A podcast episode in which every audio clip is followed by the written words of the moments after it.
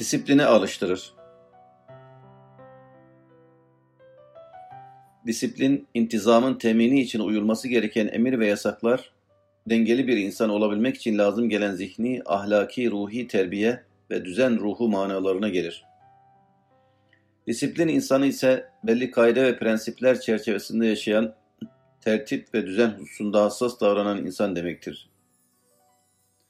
Aslında bir müminin hayatı her zaman çok ahenkli olmalıdır. O ne zaman ne yapması gerektiğini, hangi işlerle uğraşması lazım geldiğini önceden bilmeli ve ona göre davranmalıdır. Onun hangi işi önce yapacağını belirleme ve bir programa göre çalışma niyeti haricinde acaba şimdi ne yapsam şeklinde bir düşüncesi olmamalıdır. O hem Cenab-ı Hakk'a karşı kulluk vazifelerini hem diğer insanlarla alakalı sorumluluklarını hem de kendi şahsi işlerini belli bir disiplin içinde götürmeli. Bunlardan hangisini ne zaman yapacağını mutlaka önceden tayin etmeli. Her haliyle bir düzen ve intizam örneği sergilemelidir. Haddi zatında ibadetler, iş tanzimi ve vakit taksimi için çok önemli birer köşe taşlarıdır ve inanan insan için çoğu zaman işlerini o ibadet takvimine göre ayarlar. Öğle namazından sonra, akşam namazından önce diyerek gününü ibadetleri esas alarak belli dilimlere ayırır ve hiçbir anını boş geçirmemeye çalışır. Zamanın kıymetini bilen ve ömrü değerlendirilmesi gereken çok önemli bir nimet olarak gören kimseler, yeme içmeden yatıp kalkmaya kadar her şeyi disiplin altına alırlar. Hiçbir meselelerini dağınıklık içinde ve sürüncemede bırakmazlar. Onlar bilirler ki hem insanların hem de kurumların en verimli oldukları anlar, en düzenli oldukları zamanlardır. İşte Ramazan ve oruç, yemek, içmek, uyumak gibi nefsin arzu ettiği şeylere karşı tavır belirleyerek, bunları ihtiyaç ölçüsünde ve hamdü şükür duyguları içerisinde yapmak suretiyle hayata disipline etmeyi öğretir. Nefsani isteklere karşı kalp ve ruh atmosferine sığınarak, vicdanı harekete geçirip iradeyi güçlendirerek sürekli istikamet üzere olabilmeyi ders verir. Ramazan-ı Şerif, insanın en zayıf damarlarından biri olan yeme içme isteğini sınırlamayı ve kontrol altında tutmayı sağlar. Adeta bir beslenme disiplini talim eder. Evet, hayatı devam ettirebilmek için mutlaka yeme içmeye ihtiyaç vardır. Ne var ki sağlığa dair lüzumlu prensipler hesaba katılmadan vakitli vakitsiz yenilip içilen her şey beden için zararlı olduğu gibi midenin kalbi ezecek kadar güçlenip insanı kalp ve ruhun dereceyi hayatından hayvaniyet ve cismaniyet çukurlarına düşürmesi de bir felakettir.'' Kişinin kendisi için felaket olduğu gibi Rabbinin hoşnutluğuna da bütünüyle zıttır. Bu mübarek ay boyunca tutulan oruç, yemek vakitlerini belirleme, israftan ve mideyi tıka basa doldurmaktan kaçınma, beden ve ruh sağlığına zarar veren şeylerden uzak durma ve aynı zamanda helal dairesi içinde kalarak arama el uzatmama hususlarında müminlere egzersiz yaptırır. Ramazanlaşabilen insanlara bu konularda disiplin ruhu kazandırır. Hakla münasebetin önemli bir şiarı da Kur'an okumak, Cenab-ı Allah'a dua edip yalvarmak ve sürekli ona teveccühte bulunmaktır. Ne var ki Kur'an-ı Kerim'in işlemeli sandıklar ve ipekten kılıflar içindeki hapsine son verip onu dil ve gönüllere şeker şerbet yapmak da pek çokları için bir manada ancak Ramazan-ı Şerif'te mümkün olmaktadır. Bu kutlu ay damaklara bir Kur'an tadı çalmakta ve insanlara bir evrada eskar disiplini de aşılamaktadır. İşte bir ay boyunca yeme içmeden yatıp, yatıp kalkmaya, ibadeti taattan evrada eskara kadar hayatın hemen her alanıyla alakalı bazı kaide ve kurallar çerçevesinde davranan, bir ölçüde disiplin ruhuna kavuşan ve düzenli yaşamaya alışan insanlar, Ramazan'dan sonra da aynı nizam ve intizamı koruyup devam ettirmelidirler. Mesela her ayın her gecesinde uykusunu bölüp sahurun bereketinden istifade etmeye koşan, bu arada seccade ile de bir vuslat yaşayan müminler, bu 30 geceyi bir alışma süresi olarak değerlendirmeli ve artık senenin her gecesini bir vuslat koyu bilmeli. Gecelerini hiç olmazsa birkaç rekat teheccüd namazıyla aydınlatmalıdırlar. Evet bir disiplin insanı nasıl yaşayacağını ve nerede nasıl davranacağını önceden belirler. Belli prensipler çerçevesinde kendine bir rota çizer ve attığı her adımı bilerek atar. Bizim tavır ve davranışlarımızın renk, desen ve çizgilerini dinimiz çok önceden belirlemiştir. Mesela Allah'a ve Resulüne iman bizim için en önemli esastır. Bu esas sonraki adımlarımızın yönünü de tayin eden bir yol işaretidir. Biz inandığımız Rabbimizi, rehber bildiğimiz Resul-i Ekrem sallallahu aleyhi ve sellem Efendimiz'i herkese anlatmakla mükellefiz.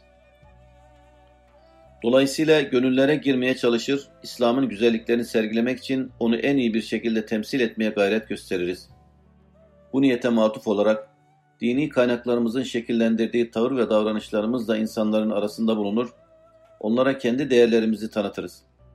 Gönül verdiğimiz hakikatleri herkese anlatmak için dinen kat'i haram olan meselelere girmeme kaydıyla o mevzuda kullanılmasına cevaz verilen bütün vesileleri kullanır ve ne yapıp edip insanlarla iman hakikatleri arasındaki engelleri kaldırmak için çabalarız. Aynı zamanda disiplin insanı olmakla kuralcı olmak arasındaki farka da dikkat eder, içinde yaşadığımız zamanın şartlarını göz önünde bulundurma, kendi kültür ortamımızın gerçeklerini gözetme ve devrin insanlarına onların anlayacağı bir dil ve üslupla hitap etme gibi hususlara da azami özen gösteririz. Şayet kendimizi Cenab-ı Hakk'ın rızasına adamış ve o rızayı da zat-ı uluhiyeti duyurmaya bağlamışsak, artık nerede olursak olalım, hangi şartlar altında bulunursak bulunalım, bizim için durmak, acizliğe düşmek ve mesuliyetten kaçmak söz konusu değildir. Her mevsime ve her döneme göre bir dil ve üslup tutturmalı, dilbeste olduğumuz hakikatleri terennüm etmekten asla geri durmamalıyız. Tabii ki böyle bir gönül yüceliği ve bu denli bir disiplin ruhu hususi bir inayet olmazsa bir anda kazanılamaz. O ufka ulaşmak uzun bir zaman ve ciddi alıştırmalar ister. Şu kadar var ki Ramazan bir başlangıçtır ve o güzel hasletlere ulaşmak için çok bereketli bir ekim mevsimidir. Aslında inananlar için insan ömrü bir Ramazan, bülü çağı imsak vakti ve ölüm de iftar anıdır. Bir aylık Ramazan, bir ömür süren kulluk orucunun alıştırması gibidir. 30 günde kazandığı güzel hasletleri hayat boyu devam ettirmesini bilenlerdir ki, burada biraz aç ve susuz kalmaya bedel, ötede inşallah. Kullarım, çok defa sizi renginiz kaçmış, benziniz sararmış, solmuş, gözleriniz içine çökmüş ve avurtlarınız çukurlaşmış olarak görüyordum. Buna benim için katlanıyordunuz. Geçmiş günlerde takdim ettiklerinize bedel, haydi bugün afiyetle yiyin, için hitabını duyacak ve işte o gün asıl iftarlarını yapacaklardır. Topluma kazandırdıkları Toplum fertlerden teşekkür eder. Öteden beri insanlar hep topluluklar halinde yaşamışlardır. Bir topluluğun huzur ve sükun içinde varlığını devam ettirebilmesi de ancak fertlerinin sağlam ve karakterli bir yapıya sahip olmalarına bağlıdır. Bu da ancak yaratıcının koyduğu esaslara tamamıyla bağlanmakla olur. Evet Allah insanı yarattığı gibi onun her yönüyle nasıl hareket edeceğini de belirlemiştir. Bunun için bir kısım hükümler vaz etmiş ve bunlarla ferdin ve bu fertlerin meydana getireceği toplumun ıslahını dilemiştir. İşte bu hükümlerden birisi olan orucun topluma kazandırdığı pek çok faydadan birkaçını zikredeceğiz. Birlik ve beraberlik sağlar. İnsan Ramazan orucu sayesinde hususuyla sosyal hayatta diğer insanlarla muhtelif bağlar kurmuş olur. Bununla onlara karşı kuvvetli bir irtibat ve bağlılık duyar. Şöyle ki bütün inananların aynı anda oruca başlamaları, akşam iftarı beraber beklemeleri, savra kalkmaları, teravihi cemaatle eda etmeleri, Kadir gecesini ihya etmeleri, beraberce bayrama girmeleri vesaire çok sağlam bir kardeşliğe ve hakiki bir sevgiye vesile olur.'' Böylece inananlar kendilerini Peygamber Efendimiz sallallahu aleyhi ve sellemin de nurlu beyanlarında مَثَلُ الْمُؤْمِنِينَ fi tevaddihim ve terahumihim ve taadufihim meselul cesed. İza isteşteke minhu uzvun teda'a lehu sairul cesedi bis seheri vel humma. Aralarındaki muhabbet, merhamet ve şefkat bağları bakımından müminler bir vücuda benzerler. Bir uzuv hasta olduğunda nasıl ki vücudun sair uzuvları uykusuzluk ve ateş ile ona iştirak ederler, işte müminler de böyledir. Buyurduğu gibi tek bir vücudun azaları gibi görürler. Bu yüce düşünceyle de toplumda birlik ve beraberlik ruhu tesis edilmiş olur. Mesela uzaktan gelecek bir treni bekleyen iki ayrı kişi diğer insanlara nispetle kendilerini birbirlerine daha yakın hissederler. Bu bekleyiş esnasında aralarında bir yakınlaşma, bir tanışma meydana gelir. Beklemiş oldukları aynı şey daha önceleri birbirlerini tanımayan bu iki insanı birleştirip kaynaştırır. Şayet bu iki insan aynı trendeki aynı yolcuyu bekliyorlarsa bu tanışma bir dostluk haline alır. Çünkü bir evvelkine nispetle aralarında ikinci bir bağ kurulmuştur. Bunun gibi bir sofra etrafında bütün bir ailenin iftarı beklemesi veya tek tek bütün müminlerin iftar anını gözetlemeleri bu insanları birbirlerine daha ziyade bağlayacaktır. Bunlar vazifelerini hakkıyla yapmış olmanın verdiği neşe ve sevinç ile birbirlerine daha ziyade bağlanacaklardır. İftar vaktini bekleme, daha ziyade aile fertleri arasındaki sevgi ve muhabbeti artırma, yani ailenin daha sağlam temeller üzerinde kurulmasını gerçekleştirme bakımından da çok mühimdir. Bu durum aynı zamanda bir takım davetler vasıtasıyla tanıdık olan olmayan herkes arasında da sevgi ve kardeşlik bağlarının kuvvetlenmesine vesile olacaktır. Fakirin halini hatırlatır. Ramazan ayının kardeşliğe, dostluğa bakan bir yanı vardır. İnsan oruç vesilesiyle yiyecek dahi bulamayan fakirlerin halini düşünür, açken onların durumunu çok daha iyi anlar. Bu durum o insanın cömertlik hislerini şahlandırır. Hislerindeki bu şahlanış iledir ki müminler yapacakları değişik hayır ve hasenatı özellikle Ramazan-ı Şerif'te yapmaya gayret etmişlerdir. İnsanlar mal mülk yönünden eşit değildirler. Kimisi daha doğar doğmaz dünyevi bir takım imkanlara sahip olurken, beri tarafta bir ömür tüketmesine rağmen maddi bir imkana sahip olamayan kimseler vardır. Her iki durumdaki insan da Cenab-ı Hak tarafından imtihana tabi tutulmaktadır. Allah Celle Celaluhu mal mülk verdiği zenginleri kendi hallerinde bırakmamış, onların zekat, sadaka, öşür gibi bir takım yollarla fakirlerin yardımını koşmalarını emretmiştir. Zenginin yardım elini uzatması, fakir ve muhtacı görüp gözetmesi ancak onun durumunu en iyi şekilde bizzat kendi nefsinde yaşamasıyla olur. Bunu zengine hissettirecek olan şey ise oruçtur. Oruç hayatını en lezzetli yiyeceklerle devam ettiren, belki açlığın nasıl bir şey olduğunu bile bilmeyen zengine belirli zaman dilimlerinde aç susuz kalmasını sağlamak suretiyle bizzat yaşayarak açlığın ve susuzluğun ne manaya geldiğini öğretir.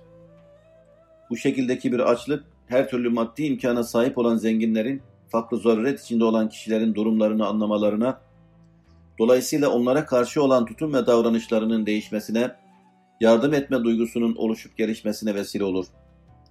Zenginler bu davranışları sergilemeye koyulunca, fakirlerde de zenginlere karşı potansiyel olarak bulunan haset ve kin duyguları izale olur ve bu iki sınıf arasında çıkması muhtemel toplumsal çatışma daha ortaya çıkmadan engellenir. Hatta fakir bir nevi zenginin malının koruyucusu olur. Tam tersine bir toplumun zenginlerinde cömertlik, fakirlerinde de kanaat, istina, fazilet ve tevekkül hissi yoksa bu iki tabaka arasındaki çatışmanın önünü almak mümkün değildir. Oruç bu mevzuda his ve heyecanları harekete geçiren en önemli dinamik sayılır. Dolayısıyla zenginler kendileri gibi imkanı olmayanları görme fırsatını yakalar ve Peygamber Efendimiz sallallahu aleyhi ve sellemin şu sözünü hatırlarlar. Leyse bil mü'minillezî yebitu şeb'an ve câruhu câi'un ila cembihi. Komşusu aç iken tok olarak geceleyen hakiki manada mümin değildir. Ancak aç durulduğu zaman açın, susuz durulduğu zaman susuzun hali anlaşılır. Cenab-ı Hakk'ın emri istikametinde arzu ve isteklerimizi frenleyerek oruç tutma, kendimizi bu istikamette perhize alıştırma, sosyal hayatımıza yönelik bizi mükemmel bir toplumun mükemmel bir parçası haline getirecektir. Oruçla nefsini terbiye eden, sıkıntılara katlanan, açlığa ve susuzluğa göğüs geren bir insan, eşya ve hadiselere meydan okuyacak bir hale gelir. Artık ne açlık ne de susuzluk onu bağlayamaz. Başına hangi sıkıntı gelirse gelsin, isterse günlerce aç ve susuz kalsın, izzet ve haysiyetini feda edip başkasına el açmaz. Fakat oruçtan haberi olmayan, hayatının değişik dönemlerinde oruç tutmamış, böylelikle de kendini yemeyip içmemeye alıştırmamış biri, başına gelecek bir açlık ve fakirlik durumu karşısında bütün izzet ve namusunu ayaklar altına alarak kapı kapı dilenmeye başlayabilir.''